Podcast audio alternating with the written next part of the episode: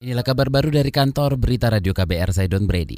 Presiden Joko Widodo menyetujui pembangunan terowongan bawah tanah penghubung Masjid Istiqlal dan Gereja Katedral. Terowongan ini nantinya akan digunakan untuk pejalan kaki yang ingin ke Masjid Istiqlal lalu atau ke katedral.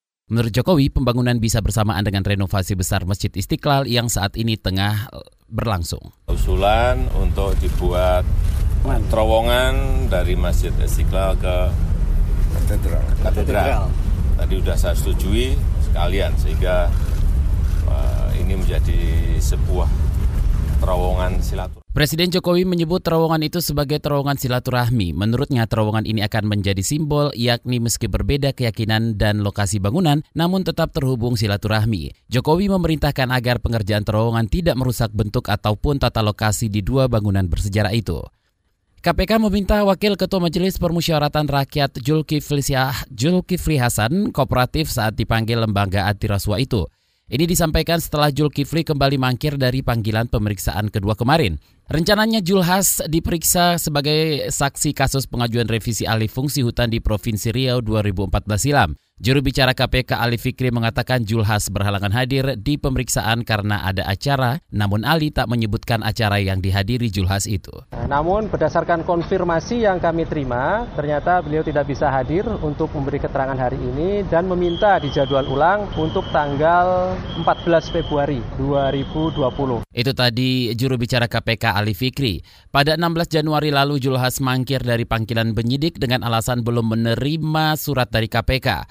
Julhas dipanggil sebagai saksi untuk tersangka korporat PT Palma. Ia diperiksa terkait jabatannya sebagai Menteri Lingkungan Hidup dan Kehutanan RI periode 2009-2014. Saudara Satgas Pemberantasan Mafia Pangan di Solo, Jawa Tengah masih menelusuri penyebab meroketnya harga bawang putih impor. Laporan selengkapnya disampaikan kontributor KBR Yuda Satriawan. Satgas Pemberantasan Mafia Pangan di Solo saat ini masih menelusuri penyebab meroketnya harga bawang putih impor dari Cina.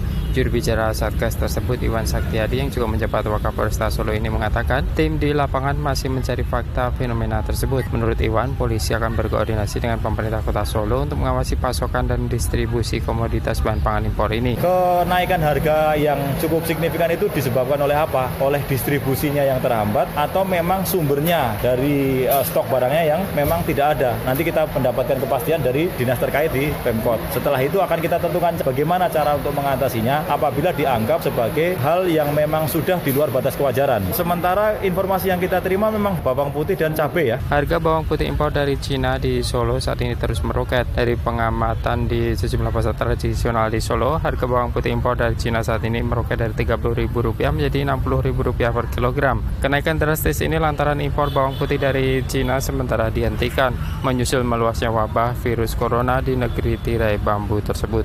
Dari Solo, Jawa Tengah, Yuda Satirawan, KBR. Penyelenggara Formula E Indonesia mencari sirkuit alternatif setelah Sekretariat Negara tak memberi izin terkait area Monas sebagai lintasan balap mobil. Juru bicara Formula E Indonesia Hilbram Dunar menyebut panitia Formula E Indonesia akan berkoordinasi dengan Federasi Otomotif Internasional dan dari Formula E terkait lokasi lain sebagai sirkuit. Hilbram menyebut sebenarnya FIA dan FEO sangat berharap kawasan Monas bisa menjadi arena balapan Formula E. Monas disebut sebagai ikon Jakarta layaknya Paris dengan Menara Eiffel. Demikian kabar baru dari kantor Berita Radio KBR, saya Don Brady.